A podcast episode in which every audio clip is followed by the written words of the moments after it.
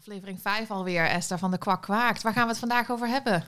Nou, ehm, we gaan natuurlijk bellen met uh, de donorkindlijn. Spannend. Ja, gaat er ooit een keer iemand opnemen? Dat is Nou, de vraag. Nou, echt, ik zit met mijn billen bij elkaar geknepen. En we gaan nog een heel leuk, eh, het oudste donorkind dat wij kennen. Ja, ja Gaan die gaan we spreken. Dat is zeker leuk. Eh nee, we bespreken natuurlijk eh, vragen van, eh, van luisteraars die we Ja. gekregen hebben. Want we hebben weer heel veel reacties binnengekregen. Ja, Dus, eh, en we doen een oproepje voor de volgende keer. en wat we zelf hebben meegemaakt. Want wij maken zelf ook elke keer opnieuw weer dingen mee. Je gelooft Mhm, het of niet, mhm. maar het is elke keer weer zo. Nou, laten we maar beginnen.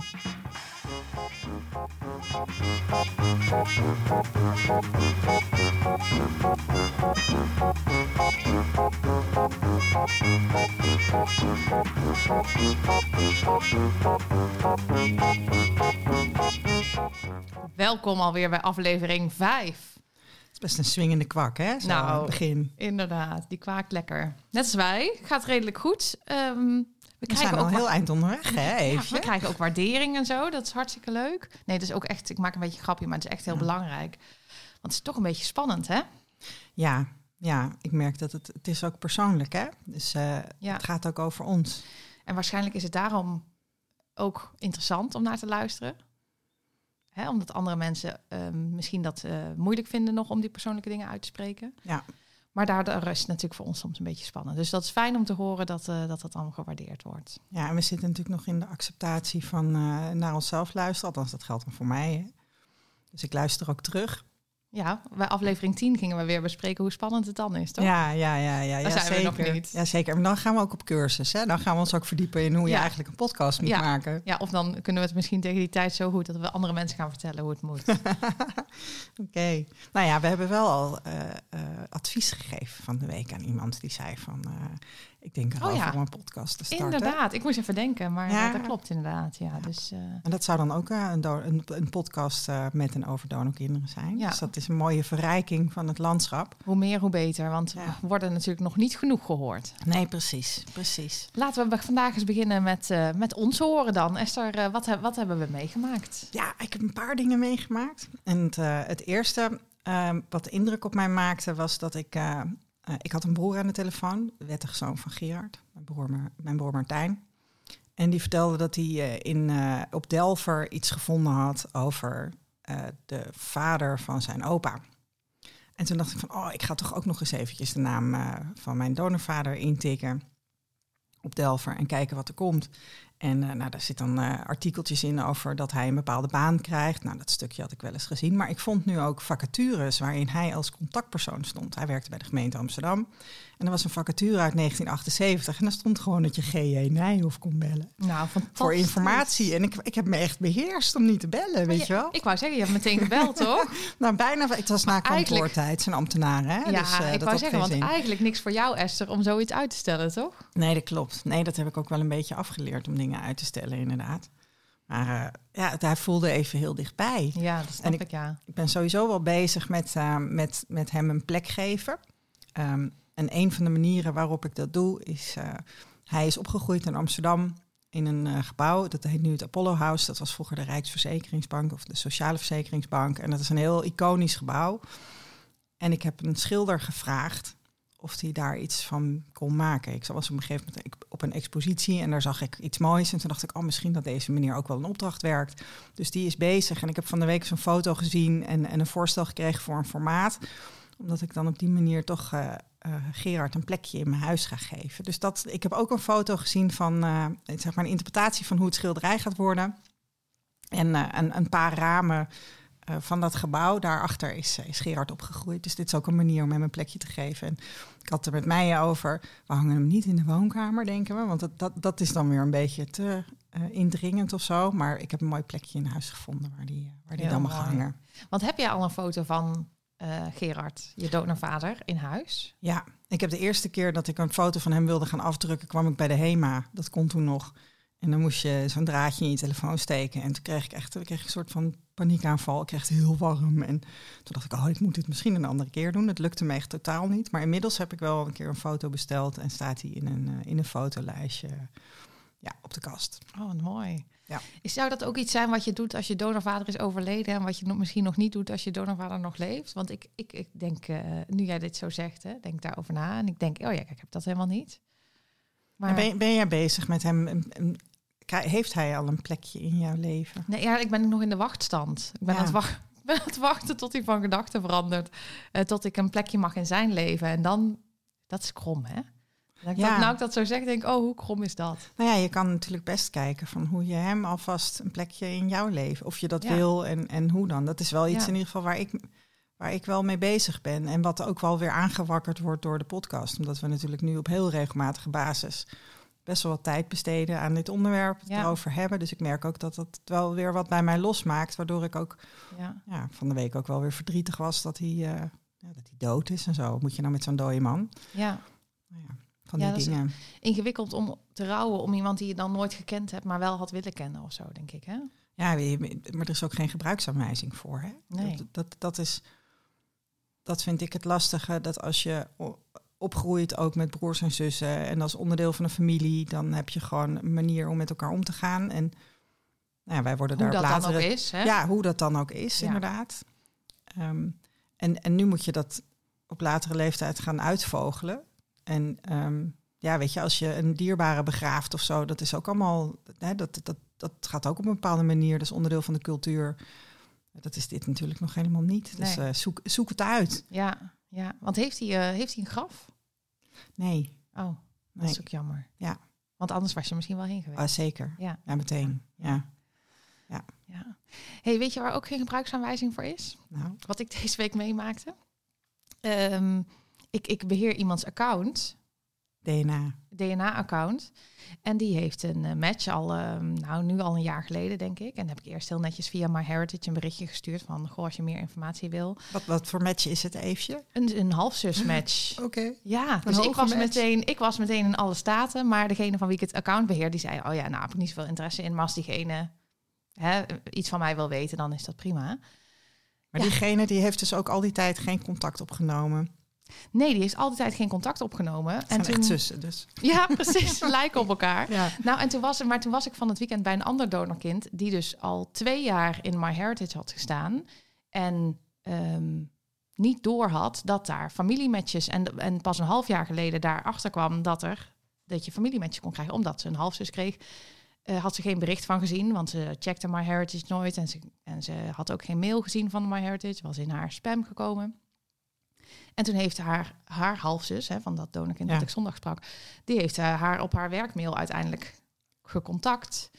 En toen kwam ze daar pas achter. Lekker waardoor doortastend, heel waardoor goed. ik weer ging denken van ehm, de, de halfzus van het account wat ik het dan beheer, die eh, dacht ik, ja, die heeft dat maar Heritage bericht misschien ook niet gezien. En die heeft ook mijn, dat zie ik dan, eh, messenger bericht via Facebook, heeft ze ook niet gezien. Nee. Dus kijk, als iemand niet wil reageren, dan, dan is dat natuurlijk prima. Alleen ik dacht wel van ja, iedereen heeft wel het recht om te weten. Dus toen was ik toch weer getriggerd. Dus ging ik zoeken op LinkedIn. Kon ik daar vinden. En heb ik er een bericht gestuurd. En En- eh, ja, ik had eh, eerst zo'n verzoek hè, van connectieverzoek. Ja, En dat werd geaccepteerd meteen. En toen dacht ik, ja, dan heb je mijn, dan heb je mijn andere berichten gewoon niet gezien. Want anders, waarom zou je mij dan accepteren? En toen heb ik een bericht gestuurd, heel net bericht. Moet ik vertellen wat ik eh, heb gestuurd? Ehm, ik- inspiratie. ja, precies. Want, want moet je voorzichtig mee zijn natuurlijk. Hè? Dag D, noem ik er eventjes. Wij kennen elkaar nog niet. Fijn dat je mijn connectieverzoek hebt geaccepteerd. Ik heb je eerder, eh, eerder contact met je proberen te leggen via MyHeritage en via Facebook.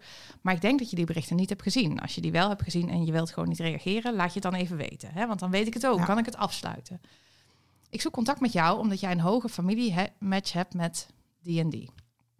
Ik beheer haar account met haar toestemming naast dat van mezelf. Heb je de match gezien in MyHeritage? Ik vroeg me af of je weet op welke manier jullie familie zijn. Die persoon weet niet wie haar, eh, haar biologische familie van vaderskant is. Misschien kunnen we daardoor jullie match achterkomen. En? Ja, nog geen reactie, maar ze zit wel de hele tijd Oh my. LinkedIn te checken. Dus ik vind ook een beetje spannend. Je voelt ook een soort verantwoordelijkheid. Je wil iemand niet aan het schrikken maken. Maar ja, hoe laat je dan eh, Ja. iemand iets weten? Ja, want je weet niet wat er aan de andere kant gebeurt. Hè? Misschien, Nee. misschien gaat ze inderdaad nu kijken ook. En ja, of heeft ze een gesprek gehad met haar ouders. Of je, je hebt Ja. geen idee. Misschien is, het, het- misschien is het het kind van de donor. Precies, dat Oh, kan dus ook. Dus dat Anything vind is ik heel spannend. Ja. En, eh, maar ik vind het dus lastig, want je wil niet iemands leven op de kop zetten. Maar ik denk, ja, iedereen heeft recht om te weten. En dan kan ze daarna zelf weten wat ze ermee doet. Dus nu weet ik in ieder geval, dit heeft ze gezien. Als ik hier geen reactie op krijg, dan zal ik Dan- het netjes ze- laten. ja, ja.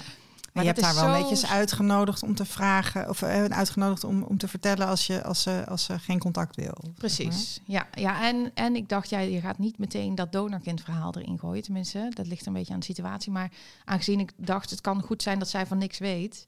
Ja. dan vind ik dat, een, ja, moet je dat een beetje voorzichtig doen. Ja. Dus spannend. Wauw. Nou, maar nog niks, nog eh, verder geen nieuws over. Oh maar man, dat is maar zo wanneer, wanneer was dit? Sorry, maar hoe lang? Gisteravond, Oh, gisteravond, Oh. ja. Oh man. Nee, gisteren overdag al zit ik nou te denken. Ja. Hey, hoe vaak check jij je matches op, eh op MyHeritage, andere databanken? Mm, ja, valt mee. Ik denk, ik denk jij vaker. Ik, eh, ik krijg sowieso altijd mail van MyHeritage. En dan Ja. is altijd spannend. Dan staat er, u heeft DNA-matches.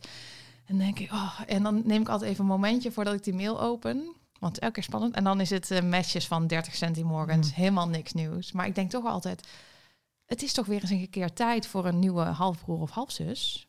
Ja, dat, dat idee dat heb ik inderdaad ook. En ik, ik check dus gewoon dagelijks. Allemaal? Alle nee, databanken? vooral, my- vooral MyHeritage. Oh ja. Ja, ja.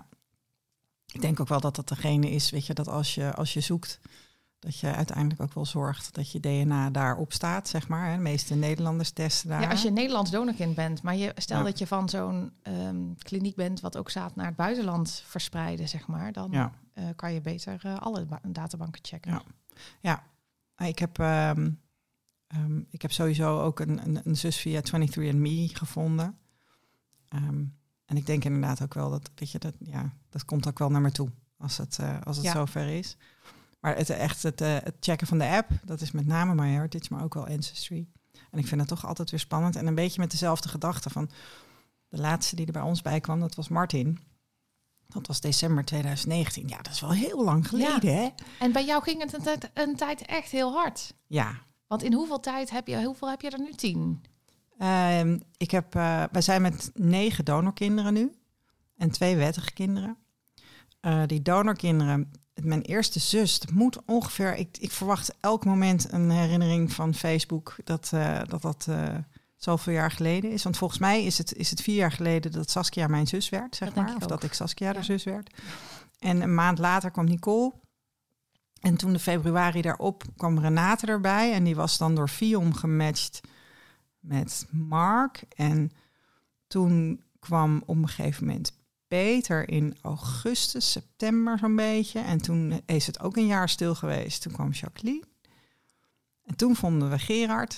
En toen die twee wettige kinderen. En toen kwamen nog Lisette en Martin erbij. Ja. Ja, en- en toen, toen ruim een jaar niks. Heel gek. ja, dat is gek joh. En ergens denk ik van, eh, ja, ik vind ook altijd een beetje, ja, het is toch ook weer spannend. Want ja, is het wel leuk hè? Dan weet je het van tevoren niet. Ja, maar ergens denk ik, ik heb er wel zin in nu.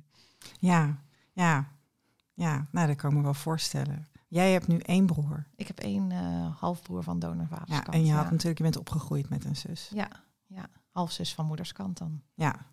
Ik doe niet aan halfjes. Ja, maar om even aan te geven van welke kant ze Ja, zijn. oké. Ja, Ja. en, en dat, ze, dat je dus niet gewoon mijn dezelfde... gewoon mijn broer natuurlijk. Maar eh, En dat je niet dezelfde donorvader hebt. precies. Ja. ja, ja. Ehm, wat maakten we nog meer mee, Esther? Ik, ik weet wel iets. Maar Ja, wil je- vertel, vertel. Ja, we moeten even onze, onze liefde aan Ivo eh, ja, laten weten aan de wereld. Want het is zo lief wat eh, Ivo gedaan heeft. Die, ehm, ja, die heeft een inzamelingsactie is die gestart voor ons. ik had, eh, ik had per ongeluk had ik hem verteld dat we best wel veel centjes hadden uitgegeven aan apparatuur en zo. En toen dacht Ivo van, nou, gaan we dat even fixen. Ja, zo lief. Maar wat nog bijzonderder is, is dat heel veel mensen meteen zo positief reageren en meteen gaan doneren. Dat vind Ja, ik lief hè? Ja. wonderlijk. Ja, en we zitten er ook echt best wel professioneel bij. Hè? Want jij Ja. bent, eh, jij bent eh, de, de, de, de, de radiofreak eh, van ons tweeën, zeg maar. Dus jij wist precies wat we moesten hebben. Ja, moest ik even, even opzoeken natuurlijk. Ja. Maar Ja, ja, het is wel fantastisch. Hè? ja, ja. Dus is, eh, eh, nou, op die manier gaan we voorlopig nog eventjes, eh, kunnen we zeker een tijdje vooruit. Ja. Dus dat is wel mooi. Ja, nou, heel lief. We, we, we gaan de link ook wel eventjes in de, in de show notes zetten. Want we hebben ook de show notes gepubliceerd oh hè, ja, afgelopen week. Ja, Dus het, het is een pagina binnen mijn website geworden. Je komt daar door eh de kwakkwaakt.nl in te tikken in je webbrowser. En daar staan alle afleveringen dan, of links naar de afleveringen. En ook wat we verder bespreken hier, wat interessante linkjes mogelijk zijn. Dat, eh, die proberen we daar ook in op te nemen. Ja, en bij de beschrijving van de podcast eh, zet ik hem even erbij. Dat mensen het elke keer zien. Ja. En dat ze precies weten waar ze naartoe kunnen Ja. surfen. Nou, super. Hartstikke goed. Eh, we hebben vandaag een gast, Esther. Ja, leuk. Ja. Ja, en wat voor een. Want het is... Nou, zo bijzonder. Ja, ja, Wil jij vertellen? Nou ja, ik denk dat ehm, eh, sowieso, ik kom eh, uit de kliniek van dokter Swaap. Hè. Dokter Swaap die was eh, vrouwenarts in Amsterdam. En op het moment dat je, van dat je bij Swaap vandaan komt en je hoort daarvan, dan, dan op een of andere manier kom je vaak ook wel bij mij terecht. Want als je dat gaat googlen, dan, dan kun je bijna niet omheen. Mhm. En zo heeft op een gegeven moment Els contact met mij gezocht. En ehm, ehm, nou ja, ze moet zo zelf maar eventjes vertellen hoe dat, eh, hoe dat zo gekomen is. Maar ik denk dat Els een van de oudste donorkinderen van Nederland Ja. is. Ehm, als er nog oudere donorkinderen luisteren, dan eh, neem contact met ons op, want dat vinden we leuk. Maar Els die, eh, is volgens mij in 1954 gemaakt. Ja, ze is nu 66, zei Ja. geloof ik. Ja. Ja. Hoe, ja, hoe bijzonder is dat? Ja, dat is gewoon een. dat is gewoon een volgens mij wordt er vanaf begin jaren 48? ja, vanaf 48 deed Levi het en volgens mij begin jaren 50 is, eh is Swaap er ook mee gestart. Dus eh, zij zit echt eh, bij de eerste batch, zeg Ja. maar. Ja. Nou, zullen we daar gewoon eens bellen? Want dan kan zij vertellen hoe het nou is om inderdaad op haar leeftijd donorkind te zijn. En of je dan ook wil zoeken en vinden en Ja, zo. ja. Eens even kijken. Wat ik zo spannend vind hè, met het opnemen, Ja. is dat ik dan een beetje bang ben dat, ehm, dat het niet opgenomen is. dat, er nog, dat er een keer komt dat je me oh, belt. wacht, wacht, wacht. Eh, eh, Els? Wacht, wacht. Ja, Esther zat, Esther zat er helemaal doorheen te kletsen. Oh, sorry. Maar en ik had de knop niet aan, dus toen hoorden we jou helemaal niet. ja, maar ik ben er wel hoor. Wat fijn. Nou, Els, moeten we ook misschien nog even aan de mensen uitleggen dat we hebben twee afleveringen geleden spraken we ook een Els, maar dit is een andere Els. Dit is Els Hendricks, ja. Nou, Els, En dat was Els Lijs. dat was Els Lijst. Els, van harte welkom in onze podcast. We voelen ons echt vereerd dat je met ons wil bellen. Ik, we hadden het er net al even over. We hadden het er net al even over, Els. Dat jij, jij bent, jij bent denk ik een van de oudste donorkinderen die we kennen. En dat is ook wel een beetje gek, hè, om dan iemand donorkind te noemen. Dat is gewoon een, eh, dat is gewoon een dame. Ehm, maar hartstikke Ja. leuk dat je er bent. Ik vind het ook leuk. En eh, ik voel me helemaal niet oud. En als ik met eh, deze eh, dingen over eh, stambomen en donor en zo bezig ben, dan voel ik me juist eh, bijna een soort puber. Dus eh, Ja, want we, voel je niet bezwaard. Nou, heel goed. Want we- we- we- we- een felicitatie is wel op zijn plaats, hè? Ja. Om te beginnen gewoon met jou te feliciteren met het feit dat jij eh, met, eh, met stambomen en eh, eh, DNA-onderzoek je donorvader hebt geïdentificeerd.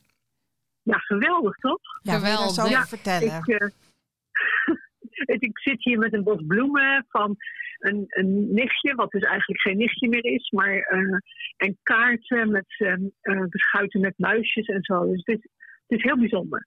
Ik krijg gewoon kippenvel van als jij dat zegt, Els. Ja, ja, ja. En dat had ik, eh, dat had ik natuurlijk toen ik twee jaar geleden deze ontdekking deed, nooit kunnen denken dat dit. Ik dacht, nou ja, dat, ga, dat zit er dus niet meer in. Wat wil je ons eens mee eh, terugnemen op- dan, naar, naar die eh, twee jaar geleden? Waar, waar begint dit verhaal eigenlijk, dit, eh, dit zoekverhaal? Ja, dit, dit verhaal begint heel bizar. Twee jaar geleden, ehm, eh, ergens in de zomer, eh, zat ik. Waren er al de eerste, of waren er publicaties over karbaat. En ik zag dat te lezen, eh, met eh, stijgende verbazing natuurlijk, van jee, Magmina. Ehm, en in dat stukje, ehm, ik geloof dat ik het op mijn tablet zat te lezen, en daar stond ook wat contextinformatie eh, over. eh, dat eh, een pas in de jaren 50 in Nederland begon. En eh, dat onder andere eh dokter Swaap daar een van de eerste mee was. En dacht ik, god, bekende naam. Maar dat klopt natuurlijk wel, want Swaap zijn zoon is natuurlijk heel bekend. Maar ik kon doorklikken op de naam Swaap. En ik klik door en ik krijg ehm, eh, informatie over Swaap. En dat begint met een foto van zijn eh, huis waar hij praktijk hield. Die foto die staat denk ik ook op een aantal sites die donorkind gebruiken of dergelijke. is de voorkant van het huis van de Velasquezstraat in Amsterdam. En geloof het of niet, ik zat die foto te bekijken en ik denk, dat huis ken ik, daar ben ik geweest. En ik heb altijd, als ik in, uh, ik woonde, mijn ouders woonden toen de tijd en ik woonde toen de tijd in Amstelveen. En uh, ik weet dat ik jaren als volwassene vaak in Amsterdam-Zuid was. En dan reed ik ergens en dan dacht ik, goh, hier ben ik toch ooit eens met mijn moeder geweest. Waar was dat toch voor? En, nou. Dus opeens wordt die herinnering wordt, geactiveerd. En ik denk dat ik een kleuter geweest moest zijn. Dus uh, ik weet ook niet of ik er één keer ben geweest of meerdere keren. Want deed Swaap ook heel goed. Els deed Swaap ook dingen nadat uh, de, de kinderen geboren waren, zeg maar? Was die, of was die alleen nou, blijkbaar dus wel. Ja. Ja, blijkbaar deed hij dat. Dus in ieder geval, ik weet dat, dat we daar waren en dat hij mij onderzocht. Uh, ik kan bijna nog uittekenen, zo'n bureaulamp, uh, gordijnen dicht en zo'n zo'n flits heb ik voor me. Um, en ik weet, is, dat is zeker niet uh, lang daarna doorgegaan, want dat was, ik was echt heel klein. Ja, ik kan alleen maar nu als volwassene, we kunnen het hem natuurlijk niet meer vragen, maar alleen maar bedenken. Uh, ik ben van, uh, ik ben geconcipeerd in 19, uh, zeg maar in 1954. Um, uit de, de dingen die we van Swaap weten, die ik inmiddels gelezen heb, hoor ik bij de eerste 15 kinderen. Dus ik kan mij voorstellen dat uh, hij bij die eerste kinderen nog een beetje wilde kijken of er een beetje een normaal kind uitkwam natuurlijk. Ja, precies. Of jij een beetje gelukt was. Ja. En al heel snel zag hij dat je gelukt was, toen hoefde hij niet meer terug te komen. Zo heb ik indirect aan mijn bestaan te, te danken aan uh, het feit dat Els gelukt is. Want nou. hij is doorgegaan natuurlijk. nou ja, ik, ik, vermoed toch wel dat het in die tijd toch ook nog wel een beetje experimenteel was. Hè? Mm -hmm. en, en dat is natuurlijk. Uh, maar goed, dat is allemaal invulling, interpretatie. Ik weet het niet, maar het lijkt waarschijnlijk. Ja, klinkt wel logisch, ja. Nou, dus toen ik dat las, um, en ik zit in de kamer en ik ga, we gaan opeens, begint de kamer een beetje om mij heen te draaien. Want ik weet wel, dat heeft mijn vader, inmiddels overleden, mijn moeder al lang overleden. Mijn vader heeft mij wel iets verteld van het ging allemaal niet makkelijk. En, um, um, en er is wel iets van het woord inseminatie gevallen. Dat heeft altijd wel in mijn hoofd gezeten. Maar ik dacht, en ik weet niet of hij dat gezegd heeft, dat ik dat ervan gemaakt heb. Ik dacht dat mijn moeder dan inseminatie had gehaald, gehad met mijn vader samen. Mm dat ik gewoon de dochter van mijn vader was. Nooit bij stilgestaan, nooit op doorgevraagd. Maar terwijl ik dat dus zit te lezen twee jaar geleden, denk ik, ja, het heeft negen jaar geduurd na hun huwelijk voordat ik ben geboren. Uh, dat beetje dat vage verhaal wat ik wist. Mm -hmm. En toen dacht ik opeens, nou, het zal toch niet zijn dat ik een donorkind ben? Had je het nooit gedacht, Els? Nooit. Nooit aangedacht. Nu, achteraf, denk ik natuurlijk wel dat ik heel weinig uh, overeenkomsten met mijn vader voelde, had, qua uitleg niet, qua karakter niet en dergelijke. Dus dat is wat ik nu denk van, goh, mm -hmm. Maar dan heb ik daar niet eerder eens over gedacht. Maar goed, zo gaan we het Ja. Ja, dit bedenk je nou ja, bijna toen, niet, Nee, als er geen aanleiding is, dan... Dat denk je niet. Nee. Nee, nee, nee, nee. nee. En, uh, nee. Maar toen ik dacht van, nou, dat zou toch wel eens het geval kunnen zijn. dacht ik, ja, wat nu? Mijn ouders zijn overleden. Ik heb geen broers en zussen. Ik heb geen ooms en tantes uh, meer. Uh, wie, wie, wie, kan daar iets van weten? En nou, ik wist inmiddels al wel dat je zoiets uh, kon doen als DNA-onderzoek. En dacht ik, nou, als ik dat nou doe... en ik zie dan familieleden van mijn vader... dan, dan zal het dus inderdaad wel zijn wat ik altijd dacht... dat ik gewoon zijn dochter ben. Ja, dus dat heb ik gedaan. je het gewoon checken uh, eventjes. Even bevestigen dat mijn vader mijn checken. vader is. Ja, ja precies. Ja, in de hoop dat dat zo was, weet je wel. Mhm. Want dan is toch alles wel heel makkelijk. En uh, ik kreeg die DNA-test terug met matches. En ik kon nergens iets vinden van familie van mijn vader. Dus ik begon al ongeruster en onrustiger te worden natuurlijk.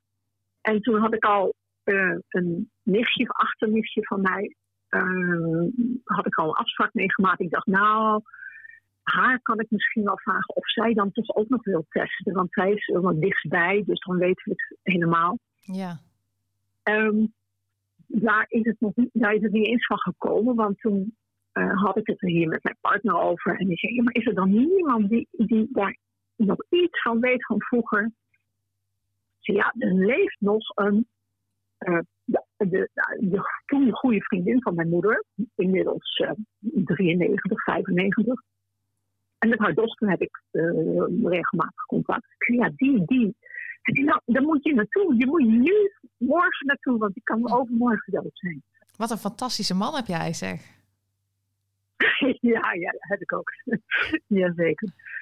En uh, we waren op vakantie in Nederland en ik belde dus die dochter van die vriendin van mijn moeder. En ik zeg, goh, uh, kan ik bij je langskomen? Uh, heb je... nou ja, nee, dat komt. Dus ik, nou, vrij snel was ik bij de dochter. En ik zeg, ja, want ik wil ook je moeder, nog even naar je moeder. En dat deed ik ook wel. Zo een jaar of twee jaar ging ik even bij haar moeder langs. Dus dat was niet zo gek dat ik dat vroeg. Dus ik zat daar en uh, uh, ik zeg, goh, hoe is het met je moeder? En de dochter zegt, uh, ik weet niet meer precies hoe, maar ik geloof dat ze zei, ach, er komt geen zinnig woord meer uit. En toen dacht ik, oh jee, oh jee. Ja. En ik, en ik ze ziet dat aan mij en ze zegt, ik zeg, oh, ik zeg, goh, ik had haar nog wel iets in de vragen eigenlijk over vroeger en over mijn vader. En we zitten tegenover elkaar aan tafel met een broodje voor ons. En ik zie haar helemaal van kleur verschieten, werkelijk. Het is over je vader, over je vader. En, uh, en nou, ik weet niet of ik nog zei van uh, zoiets van. Ik geloof dat, ze, dat, ik, dat ik niks hoef te zeggen. Dat we bij haar zomaar uitrollen. Ja, dus het is waar. Je vader is niet je vader. Oh. Hoe was dat voor je? Ja. Ja, dat was heel gek natuurlijk. Dat was heel gek. Um, en uh, ja, ik was maar op zoek. Ik was al voorbereid dat ik uh, zoiets zou vinden, zo'n antwoord zou vinden. Maar dan komt het toch opeens helemaal over je heen rollen. Ja. Zij was helemaal van streek, want ze zei: Ja, ik heb altijd met dat geheim rondgelopen. Ik wist niet of ik nou wel of niet moest vertellen. Wat moest ik nou doen? Um, nou, uh, schuldig. Ik zei, ja, luister, weet je, het is zo gegaan. Mijn vader is uh, 86 jaar geworden en heeft vlak voordat hij overleed nog de moeder van deze vrouw, dus die vriendin van mijn moeder, nog bedankt dat hij het geheim heeft gehouden. Mm. Dus mijn vader was zich er wel degelijk tot het allerlaatst van bewust. Um, hoe, het, hoe het was en heeft ervoor gekozen om het ook wel uh, voor, voor zijn gevoel met, als geheim mee te nemen. Ja. Dus ik snap ook wel dat zij uh, het heel moeilijk vond en een soort loyaliteitsconflict uh, kwam van moet ik nou wel, moet ik nou niet. Ja. Goed, ik, ik was ermee gekomen, dus dat was voor haar nu heel makkelijk om te zeggen van ja. En zij noemde ook zonder dat ik ernaar vroeg, ja, dat was bij Schwab in Amsterdam. En dat was dat haar ouders waren lid van de NVSH. En die hadden mijn vader en moeder, die al jaren probeerden een kind te krijgen, die tip gegeven. Mm. En ik, nu weet ik achteraf dat in diezelfde periode was Swaap was voorzitter van de NVSH. Dus zo zijn die contacten gelegd. En zo is waarschijnlijk uh, dat gegaan. Ja, dan hebben, dan, hebben, dan hebben ze waarschijnlijk ook misschien wel mijn vader gekend. Want mijn vader die zat ook in het hoofdbestuur van de NVSH en zijn vrouw in het bestuur van de afdeling ja. van Amsterdam. Het is een klein wereldje dit. Ja, bijzonder fantastisch. Ja. Ja. ja. ja. ja. Maar toen wist je ja, dus dat, je, dat je donorkind was. Toen wist ik dat ik donorkind was. Ja, ja dat, was, dat was natuurlijk um, uh, heel emotioneel. Um, en uh, ik weet dat ik niet. Uh, eigenlijk vond ik nog. Het was een bevestiging. Dus het gaf aan de ene kant rust. Oké, okay, dat is dus goed, um, zo zit het dus in elkaar. Ja, uh, emotioneel raar, verward, ook wel verward vooral. Mhm. Wat ik me daarna nog erg goed herinner is dat ik, ik had inmiddels thuis al ehm, online stambomen zitten bouwen. Waar ik gewoon mijn vader ingezet had natuurlijk en mijn moeder. En, en toen kwam ik thuis en toen ehm, klikte ik die naam van mijn vader weg. Want die was dus mijn vader niet. Was Mhm. My heritage. En dat was het meest emotionele moment. Want ik zag opeens op het scherm dat mijn halve familie daarmee wegviel. Ja. Toen drong het pas goed door me door van... als mijn vader mijn vader niet is, dan is mijn opa mijn opa niet. Mijn oma niet, mijn nichtjes, mijn nichtjes niet. Eh, nou, ga ze maar doen. Dat- ja, ze hard, omdat ik het toen hard denk ik, hè? om dat inderdaad uit beeld te zien verdwijnen, die hele ja. familie. Dat, dat was echt, dat was zo beeldend en zo confronterend. Mm. Dat toen, eh, eh, toen voelde ik het geloof ik pas echt.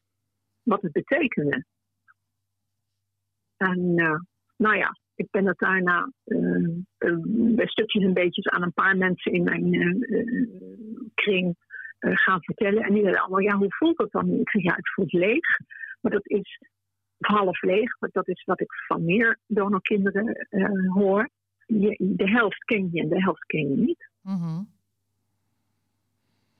Ja, dat was, dat was raar. Dus het was in het begin heel raar. Toen heb ik mm, ja, meteen een beetje geprobeerd van wat voor matches heb ik, kan ik daar iets in vinden. En nou, eens een keer contact gezocht met iemand die ze niet antwoordde. En ja, toen dacht ik op een gegeven moment, ja, eh, was inmiddels eh, met Esther in contact gekomen. En donorkinderen. En iedere keer, ja, zie ik dat bericht, ja, je moet wachten op een wat betere match. Ik dacht, nou ja, dan moet ik daar maar even wachten.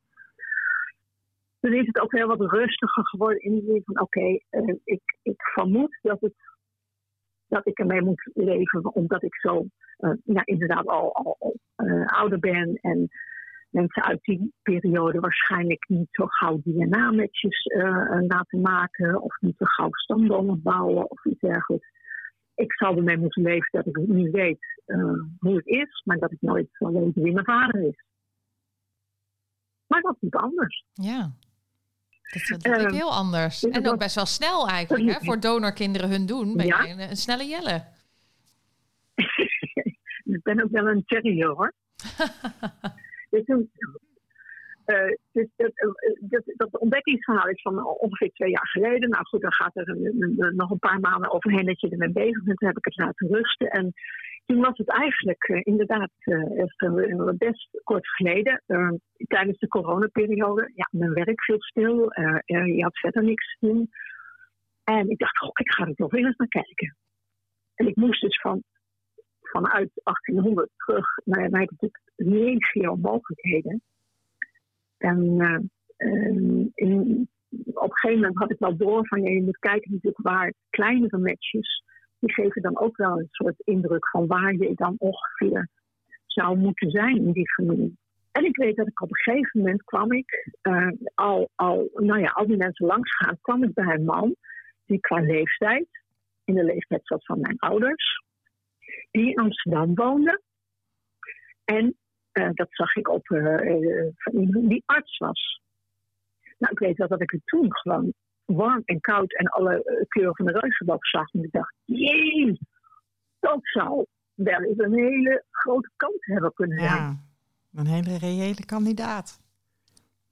Dat was een hele reële kandidaat. Ja. Nou, toen nog kijken, zijn er dan nog meer reële kandidaten? Nou, die was eh, eh, eh, verhuisd naar het zuiden van het land, die was dit, die was dat. Eigenlijk iedere keer zag ik, hij, hij blijft over. En nou, toen gekeken, er stond een, een zoon van hem. Ehm, en die had ik met My Heritage ook weer een e-mail gestuurd, weer geen antwoord. En uh, toen denk ik, nou, ik, ja, verdorie, nou ben ik misschien zo dichtbij. Nou zal ik hem vinden toch ook. Dus toen ben ik uh, op naam van die zoon, die helaas uh, Erik heet, en daar zijn er ook een heleboel van. Mhm.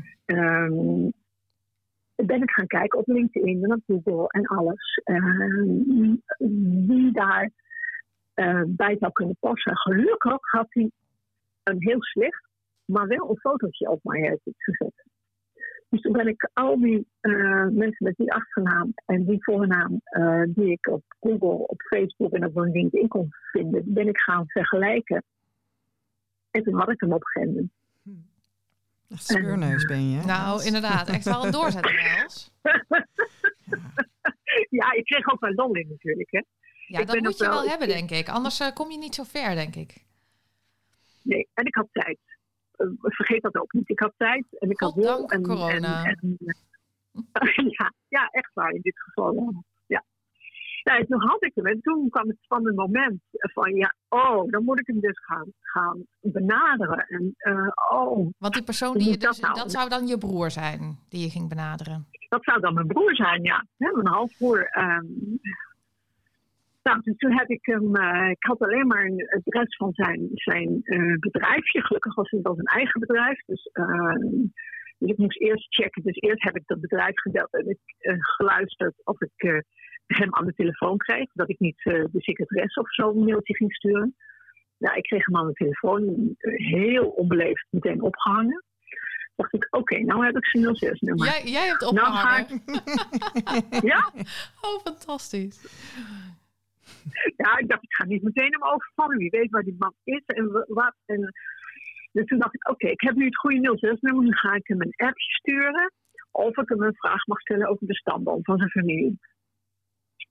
En wanneer dat dan zou schikken, et cetera. En nou ja, dat, heb, dat is dus gedaan. Dus er is een belafspraak gemaakt. Dat is meteen Eh, ook een goede tip, hè. Els? Dit, de luisteraars meteen een goede tip. Om het op die manier te vragen. Want dat is niet zo eng natuurlijk. Hè? Op die, eh, als je de vraag stelt van... eh, Nee, mag ik een vraag stellen over de stamboom van je familie? ja, dat, dat bleek dat hij dat ook... eh, later zei hij tegen me dat hij dat dacht, wat moet die vrouw toch? Maar Hm. goed, ja, toen heb ik hem dus, dus toen uh, belafspraak gemaakt. En toen gezegd, oké, ik ben sowieso... Ik vertel je even heel kort. eh donorkind, ik ben op zoek. Ik heb heel veel studies gedaan. En als mijn studie klopt, dan zou het, zo, zou het kunnen zijn dat we eh, eenzelfde vader hebben. En toen was ik stil. Toen dacht ik, oh, oh, nu, nu wordt het spannend. Spannend. Ja, dit is echt... Dit is, eh, Dat is echt, dat is echt, dat is- door je lijf. En toen zei hij, oh, dat verbaast me niks. Mijn vader is donor geweest, bam. dat weet ik. Ja. Zo. In ieder geval was zijn reactie was heel open, heel, heel, heel leuk. En, eh, en, en toen zei hij ook zelf, oh, ik wil best testen. Lief. Fantastische Nou, reactie, in- toch? Het is ieders droom, dit. Ja, dat was echt heel erg leuk. En hij zei dat, goh, ik zou het wel heel... Hij is eh, eh, vijf jaar jonger dan ik. maar ook een zestiger. Zegt, eh, ik, zou, ik heb altijd wel een zus willen hebben. Hij heeft ook geen grote familie. En er, staan niet, en er hebben niet al dertig andere eh, donorkinderen op de stoep gestaan. Eh, dus hij is nog helemaal verrast. En Ja. nou, we hebben afgelopen week dus de uitslag gekregen van de DNA-test. En die klopt inderdaad. Yes. Fantastisch. Dat is Ja. echt zo Ja. hartverwarmend dit hoor. En zeker dat je zo hartelijk Ja. ontvangen wordt en dat hij best wel een zus wilde. Was, was Ja. zijn vader nou Ja. student, Els? Of was hij al arts? Ja, dat is. Ehm, hij was 28 jaar toen, eh, toen, hij, eh, eh, toen ik verwekt ben. Dan, ik moet dat nog eens even aan hem gaan. Ik ga hem binnenkort zien, mijn broer. En ehm, dan ga ik natuurlijk alles precies vragen. Het kan zijn dat hij net afgestudeerd was. Het kan zijn dat hij nog zoiets als een kooschap liep of iets dergelijks. Ehm, hij heeft wel al gezegd dat hij niet zeker weet, maar hoogstwaarschijnlijk eh inderdaad ook lid van die NVSH was. Want dat was een, progressieve man. Ja. Eh, dus ehm, ja, hij, hij heeft in dat kringetje gezeten Ja. rondom Swaap. Het zei dat hij assistent was of bij hem staan. eh, nou ja, een van die dingen. Ja. Een van die dingen, ja. Ja, leuk. Want, want het, het grappige is namelijk dat we. ehm, eh, er is zo'n verhaal hè, dat die donorvaders dat dat allemaal medisch studenten waren. En we hebben al best wel veel donorvaders bij Swaap gevonden. En eh, daar, zat, daar zat nog geen medisch student bij, zeg maar. Dat waren over het algemeen waren dat mannen die al kinderen hadden. Eh, dus dus Ja. jouw verhaal is wel bijzonder in die zin. Ik weet één Ja. andere, één Ja. andere heer die inderdaad ook eh, die studeerde En die liep volgens mij dan niet stage bij Swaap, maar bij Van M. de Boas. Dat was een van zijn, van zijn maten, zeg maar. Hé, hey, maar wat, uh, wat, wat, wat heerlijk om te horen inderdaad, wat Eefje zegt. Dat je, dat je hartelijk ja. ontvangen wordt en, uh, en dat je een positieve ja. uitslag hebt gekregen. Want Els, jouw broer, die was tot nu toe enig kind. Uh, die heeft een halfbroer. en dat zijn, toen zijn vader en moeder trouwden, had zijn moeder ook al een zoon. Dus hij heeft een halfbroer, kind van zijn moeder. Um, en er zijn twee halfbroers, omdat zijn vader hertrouwd is op latere leeftijd, maar daar is geen contact mee. Dat zijn veel jongeren, dat zijn dertigers. Zijn vader is dus uh, toch nog even een hele, hele late, laatste tweede leg uh, gehad. Ja. Um, dus je hebt sowieso al drie broers ik, eigenlijk, ja, nu al? Eigenlijk heb ik nu al drie broers die andere twee, ja, ik zoek maar even geen contact. Ik, ik, uh, met deze broer heb ik nu een heel, uh, heel warm contact. Daar ga ik eerst maar eens beginnen en dan ja. zie ik wel verder. Ja, en het, dit is, ja, ja, precies dat. En, en het is ook een zoektocht weer ja. om mensen ook weer een plekje te geven, toch? Het is ook aftasten van ja, wat, uh, wat verwacht je en wat verwacht hij? En, en ga je nou samen kerst vieren of niet? Weet je, dat, dat is heel kort samengevat. Weet ik ook maar, niet. Nee. Weet ik ook niet. Nee, nee, nee. Ik, ik, ik uh, laat ik zeggen, als het uh, naar het huidige contact te oordelen, um, uh, lijkt me dat we wel iets van een, van een, een band al zullen een band gaan ontwikkelen, maar ik weet het niet. Um, Spannend, hè? Ja, alles wat ik wilde weten ik weet die familie, die, uh, ik weet uh, waar die vandaan kwam, hè, wat er allemaal in die familie zich af heeft gespeeld. Dus dat is precies wat ik eigenlijk, wat natuurlijk alle donorkinderen willen, van waar, waar stam ik nou toch van af? Ja. Ja. ja. dat weet ik. Ik heb eerst de foto van mijn vader gezien. Uh, Zag je gelijkenissen? Ja, ik geweldig.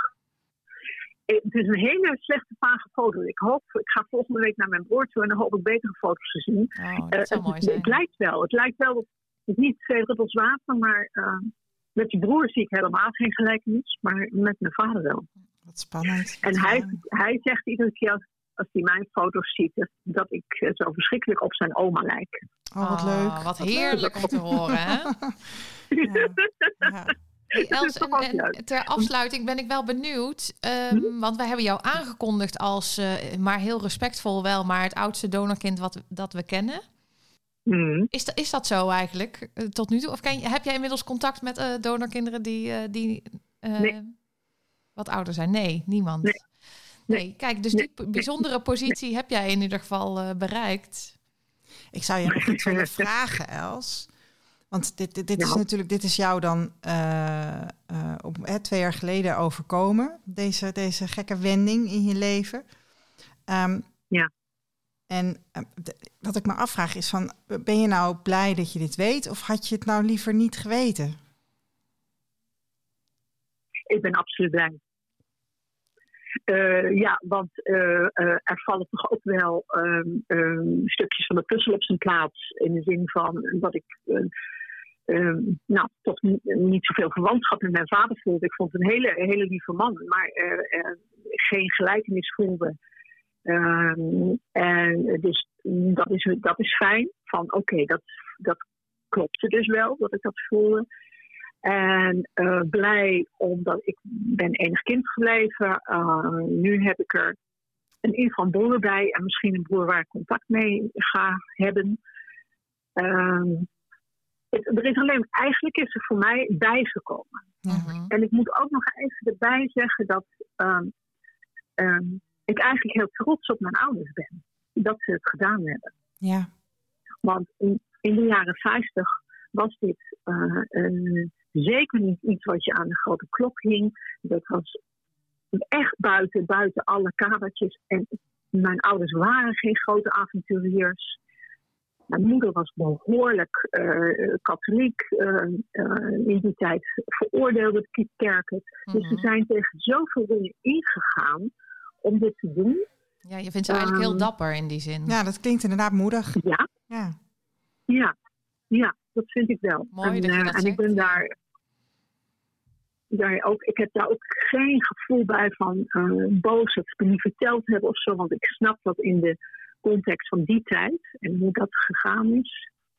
Ik had ze nu heel graag nog mijn verhaal met ze willen delen en, en ze willen zeggen dat ik er trots op ben. Mhm, dat kan ik me heel goed voorstellen, ja. En dat het goed, goed geweest is. Ja, ja ik Als- vind van wel. Ja, ik vind wel. ik vind het een mooie, mooie manier om dit gesprek af te sluiten. En ik, ik wil je bedanken voor je, voor je openheid. Ja, heel erg bedankt Els. En heel veel sterkte met het, eh, met het uitvogelen met je broer. Hoe jullie dat nou samen weer eh, verder gaan doen.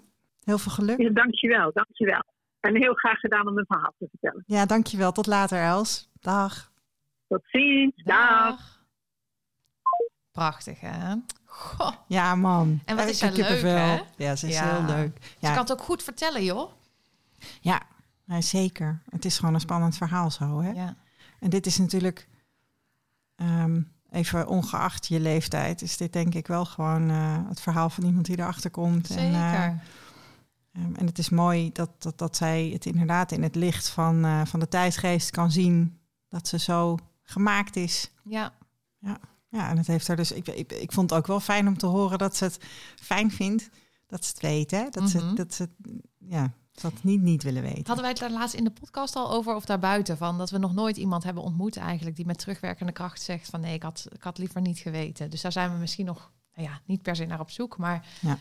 Ja, die, die kennen we gewoon nog niet, die mensen. Nee, ik heb wel een tijdje terug. Toen waren we filmpjes aan het opnemen voor dat eh, LIDC, voor dat platform donorconceptie. En toen werd mij ook de, de hypothetische situatie voorgelegd dat ik het niet zou hebben geweten en of dat dan erg was. En ik vind dat veroorzaakt ook altijd toch wel wrijving als iemand dat vraagt. Mhm. Ehm, want dit is wel gewoon wie je bent. En dit is wel mijn verhaal. En ik, ik, was, ik voelde me ook wel gesterkt door dat verhaal van Ties hè, over mensenrechten. Het is, gewoon, het is gewoon een mensenrecht om te weten wie je ouders zijn. Ja. Dus ja, dat, dat, Dus die vraag hoef je helemaal niet te stellen. Van, Nee. eh, had je nou liever eigenlijk niet geweten? Nee, en dat is ook een vraag die je niet aan iemand anders stelt. Van, Nee. weet je, had je nou liever je familie niet gekend? Kijk, er zijn natuurlijk... Ik, denk, ik weet niet of jij wel eens mensen gesproken hebt, maar het gebeurt wel eens dat, dat mensen zeggen van... oh ja, nee, maar mijn vader is zo'n klootzak, ik had hem liever niet gekend, weet je wel. Dus dat Mhm. als, ook een beetje, ik ervaar dat ook wel als een, dan als een disqualificatie van... nou ja, hoezo moet je dat weten? Want eh, nou, die van mij, die was niks. Ja, maar volgens mij zeggen mensen dan niet per se van eh, ik had het liever niet geweten, maar meer zo het is een beetje een teleurstelling wie het is. Ja, ja. Maar, maar de- ik heb nog nooit iemand horen zeggen ik was, had liever in de leugen doorgeleefd. nee, ik ook niet. Nee. Nee. Nou, het is een, mo- een mooi verhaal. Zeker, heel mooi.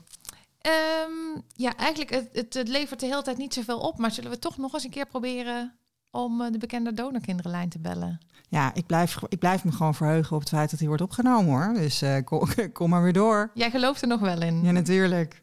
Hm, Nou ja, ik, ehm, ik ga draaien. Ze moeten er zijn. Ze moeten er zijn.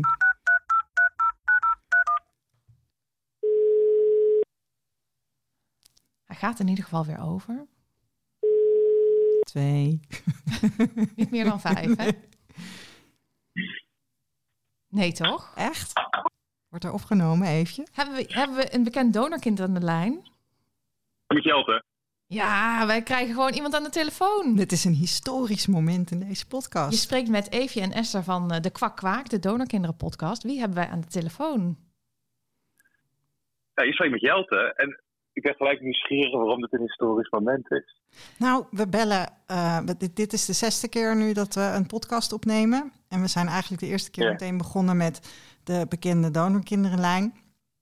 Omdat er, ja, weet je, er, er moeten toch bekende donorkinderen zijn. En, en we kennen ze niet. Dus we, we, we, we, hebben nu ehm, volgens mij voor de vijfde keer eh, gebeld. En tot nu toe nam er dus nog nooit iemand op. En nu, nu neem jij op. Dus we hebben een- vandaar een historisch moment. Ja, Maar, maar bedoel je dan bekend als in bekend dat jullie diegene kennen of bekend als in bekend in Nederlander? wereldberoemd. wereldberoemd bedoelen wij. Ja, nou dat, ja, dat, ja, dat ben je natuurlijk bij mij het goede adres als het gaat om wereldberoemd. Precies.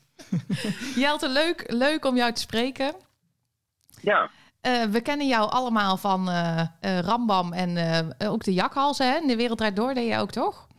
Ja, ja, en ik heb daarna Rambam ook nog gedaan. Ja, dat was ook En leuk. het laatste wat ik gedaan heb was een, eh, een documentaire voor Videoland over de geluksindustrie. Dus dat zou het laatste kunnen zijn. De Voor geluks- mensen die echt denken van wie is die gast? Maar de geluksindustrie, dat eh, had niks te maken met eh, donorkindjes krijgen, neem ik aan, of wel? Nee, nee, het- het- wat het wel ermee een overeenkomst, overeenkomst heeft dat het een industrie is. Alleen dit ging over uh, gelukscoaches. Dus mensen die heel veel geld verdienen aan uh, coach zijn. Oh ja. Hey, en de hardcore volgers van Spoorloos, die hebben jou natuurlijk ook gezien. Ja, dat is. In 2005 was de eerste aflevering. Dus toen ging ik op zoek naar mijn donorvader. En uh, nou, toen was het in. Ik heb het laatste toevallig nog opgezocht, januari 2006. Toen was de uitzending te zien waarin ik mijn donor vond. Dus dat is eigenlijk binnen een uh, paar dat... maanden. Ja. Ja, maar, Echt waar? Ja, dat is, dat, dat, dat, ik, ik, ga, ik ga op zoek naar de link en ik zet hem in de show notes. Esther is onze hoofdshow notes. Ik heb hem laatst gezocht, die aflevering. Ik kon hem eigenlijk nergens meer vinden. Nou, ik, heb, ik, heb wel eens, ik heb jou wel eens bekeken hoor. Ik heb wel eens gekeken. Ik ben ook bij Spoorloos geweest. Ja, en dan ben je toch, heb ja, je toch een soort band met elkaar. zeker, zeker. Hey Jelte, maar we zijn natuurlijk heel erg benieuwd. Um, wil jij ons vertellen wie is je vader, wie is je moeder? Zeker. Mijn, uh, laat ik dan beginnen bij mijn donor. Die ken ik het kortst. Dus die heb ik in, zoals ik heb verteld, in 2006. Nou, in 2005 ontmoet, dus in 2006 is die ontmoeting uitgezonden. En uh, nou, een hele, hele leuke man, waar ik eigenlijk ook wel heel veel gemeen mee heb. Dus we belopen hetzelfde, dezelfde lengte. Oh, fantastisch. Ja, dat is wel heel grappig. Dus ik, ik zie wel heel veel van mezelf in hem terug. En um, ja, het is wel iemand die een grote stap heeft genomen natuurlijk door zichzelf bekend te maken. Want hij had het niet hoeven doen. Dus hij uh, nee. hoorde dat er iemand op zoek was naar hem. Zijn vrouw zat te kijken, die wist dat hij donor was geweest. En die zag toen spoorloos iemand voorbij komen. En ze dacht van, hé, hey, die heeft wel iets weg van een man. Hetzelfde loopje, een beetje hetzelfde gezicht. Dus toen zei ze tegen die man van, joh, je moet eens kijken. Misschien is er eentje van jou. Toen heeft hij de hele avond lopen ijsberen. En uiteindelijk toch besloten om te bellen naar de redactie. Moet ook spannend zijn, hè? Ja, dat heeft hem uh, echt wel wat nachtrust gekost. Dus daarom heel tof dat hij dat gedaan heeft. En uiteindelijk zijn er nog meer halfzussen tevoorschijn gekomen, echt jaren later. Dat was niet via Spoorloos, maar dat was via, ja, hoe heet zo'n website? Dat weten jullie beter dan ik. Uh, ik sta er ook ingeschreven, maar ja, dat is hem. Ja, ja. MyHeritage, ja. Heel leuk. Dus en hoeveel zussen uh, heb zijn er nu twee. Nou, dat valt nog mee. Ja. En, en hebben die ook contact ja, met jouw uh, donorvader? Ja, ja, die hebben ook contact. En ik zou het wel leuk vinden ook weet niet of er misschien nog een potentiële broer luistert. Maar ik zou er wel graag een broer bij willen hebben. Willen we allemaal. Ik weet niet of, dat, of, dat geregeld, geregeld kan worden. Ja, die, die, bestellen we nu meteen. Ik wil zeggen, ik heb er nog wel een paar. Wel echt de, maar als mijn halfzussen luisteren, dan ik ben ook heel blij. Dat nu natuurlijk. Hè. Tuurlijk, maar die heb je nou al. Nu wil je een broer, dat snap ik wel. Ja. Precies, om het eigenlijk gewoon helemaal compleet te maken. En het grappige was trouwens... Want je bent opgegroeid als enig kind. Ja, ik ben opgegroeid als enig kind. Ik kwam eigenlijk bij mijn moeder. Nou, een hele lieve moeder. Uh, dat heette toen nog bomvrouw, hè, bewust ongehuwde moeder. Mm Dus die heel graag zelf een kind wilde, op dat moment geen relatie had. En dat was eind jaren zeventig. Dat een beetje dat ja, de KID, zoals dat toen genoemd werd, kunstmatige inseminatie. Het donorsperma, dat kwam dan een beetje in zwang, ook voor lesbische koppels en dus voor bomvrouwen. Ja. Dus mijn moeder dacht, dat ga ik doen. En eigenlijk werd er in die tijd natuurlijk helemaal niet nagedacht over afstamming of dat daar nog een man aan vast zat. Dus uiteindelijk ben ik daaruit voortgekomen. En nou een hele fijne jeugd gehad. Ik heb later wel gehoord van mijn moeder dat het echt een hele omstreden keuze was wel in het dorp waar ze woonde. Dus mensen vonden daar wat van. Dus ik denk ook echt wel dat ik een, een dappere moeder heb, hè, die dus tegen de stroom inging. Dat heb ik dan weer met haar gemeen, dat ik ook graag wel een beetje tegen de stroom inga en heel graag Mooi voor mezelf beslis hoe ik over dingen denk. Dus hij heeft toen toch die keuze gemaakt. En uiteindelijk kwam bij mij die vraag van, nou, naast mijn moeder wil ik ook graag weten wie mijn donor is. En uiteindelijk is en wanneer, dat dus, uh, wanneer voelde je dat, dat je dat wilde weten? Ja, dat was bij mij denk ik zo'n beetje, nou, 14, 15, een beetje die leeftijd. En uiteindelijk ben ik zo op mijn zestiende voor het eerst dus op zoek gegaan. Dus ik heb die kliniek eens een keertje gebeld van jongens, hebben jullie informatie? Nou, eerst zeiden ze van niet. Welke kliniek, uit welke kliniek kom je, Jelte? Sorry dat ik je onderbreek. Nee, maakt niet uit. Het was in uh, Leiden. Dat moet ik even goed zeggen. Het SMCG, het Centrum voor Geboorte. Oh ja.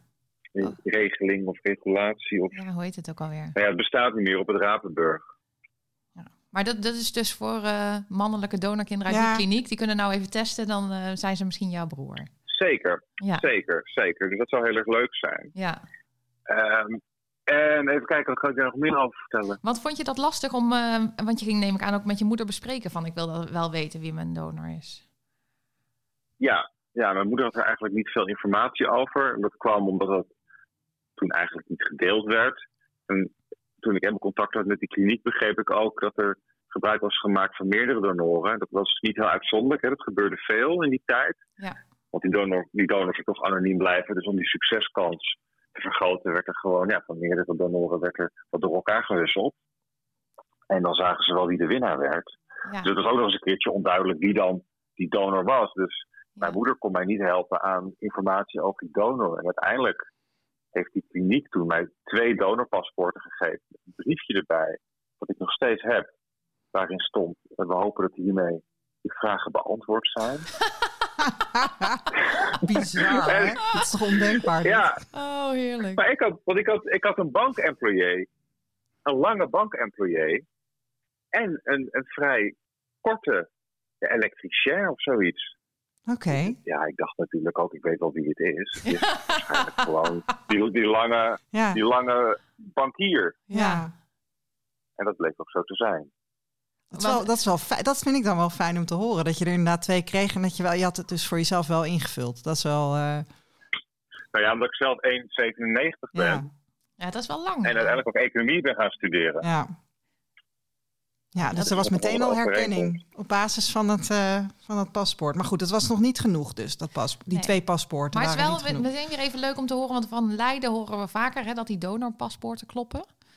Het is een van de weinige klinieken die eh, wel eh, kloppende informatie geeft aan donorkinderen. Dus ja, Ja, het enige is- probleem is inderdaad vaak dat je dus inderdaad dat er in een cyclus dan meerdere donoren gebruikt worden. ja, En ehm, dat, levert ook, dat levert ook volgens mij wel eens problemen op met ehm, eh, eh, bij SDKB. Omdat er dan niet bekend is wie het is, legden ze ook geen contact. oh ja. Maar ja, de SDKB moet gewoon een schop onder zijn kont krijgen Oké, natuurlijk. oké, Eefje.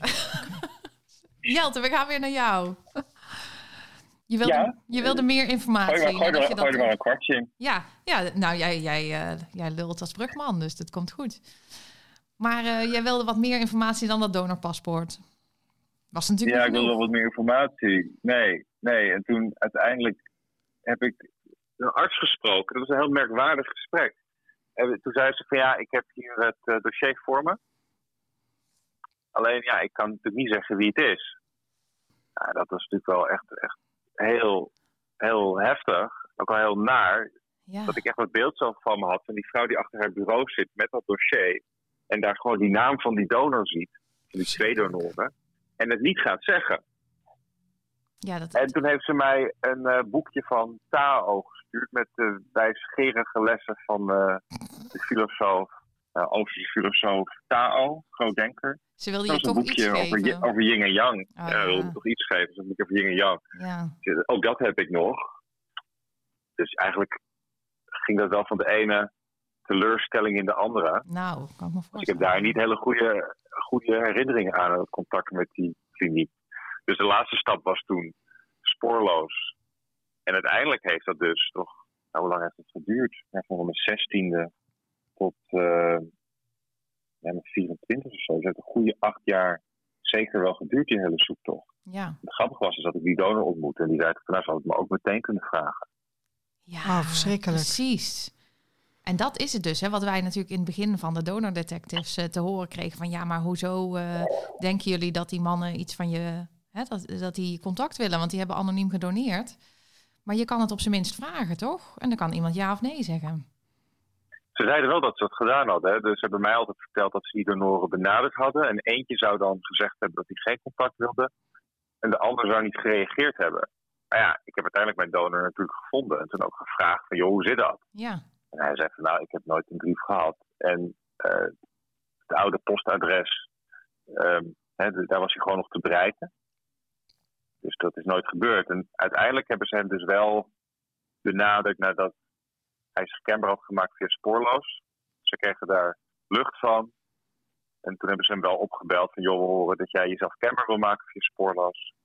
Zou je dat nou wel doen? Wil je je misschien niet terugtrekken? Want het is toch wel, ja, toch geen goede zaak Oh. als donoren nu uit de anonimiteit treden. En toen heeft hij gezegd, dat heeft hij dus wel eh, gemeen met mijn moeder, dat het allebei wel wat mensen zijn die een beetje tegendraad zijn, een beetje quirky. Dat hij zei van ja, bekijk het maar, ik kan heel goed voor mezelf beslissen wat ik wil. En ik heb besloten dat ik mezelf gewoon bekend ga maken.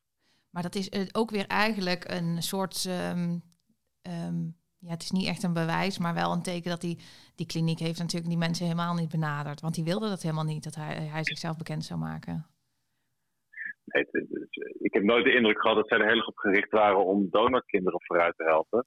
Ik heb toen later, toen ik een stuk schreef voor de Volkskrant hierover, ik kende mijn donor tien jaar. Ik dacht, dat vind ik wel een mooi idee voor een artikel voor Volkskrant, voor Volkskrant Magazine. Ja, Dus ik was toen wat research aan het doen. En ik dacht van nou laat ik eens nog eens bellen met die kliniek. En misschien kan ik die arts wel te pakken krijgen die mij toen dat boekje heeft gegeven van Tao. En die toen zei van ik heb dat dossier voor me liggen. Gewoon eens kijken hoe zij dat beleefd heeft. ja, Nou, ik heb die vrouw gebeld. Het was ook heel teleurstellend. Die kon zich echt werkelijk, net een soort Rutte, die had geen enkele actieve Oh. herinnering meer Oh. aan wat dan ook. Dat is vreselijk, hè? Dus, dus wat Ja, voor jou echt- in jouw leven heel belangrijk was, dat is bij haar gewoon langs haar heen gegaan eigenlijk. Ja, dat was echt alsof ik tegen een kamerplant zat te praten. Er zat gewoon helemaal niks meer in. Hmm. Onvoorstelbaar, hè? Nee, maar- Dus onvoorstelbaar. Ja, dus het is, het is voor mij wel. Kijk, dat ik er nu zo makkelijk over praat.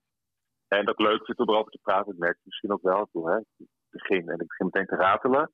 Dat komt ook wel omdat het goed is afgelopen. Ja. ja, dat kan ik me goed voorstellen, ja. En, en want, want hebben jullie leuk contact met elkaar? Of, of ja, misschien wil je dat helemaal niet Ja. vertellen, maar... Oh, jawel, jawel, ja. Ja, dus ehm, eigenlijk vanaf het eerste moment heeft mijn donor gezegd van nou, hier is mijn telefoonnummer, ik kan gewoon bellen als je wil. En het contact is eh, eigenlijk heel, ja, heel soepel. Dus eh, soms zie ik hem eh, één keer per jaar, soms twee keer per jaar, soms is het wat langer niet. Dat gaat eigenlijk heel vanzelf. En af en toe appen we een beetje of bel ik even met zijn vrouw. Die is ook, iemand, is ook iemand met wie ik goed contact heb.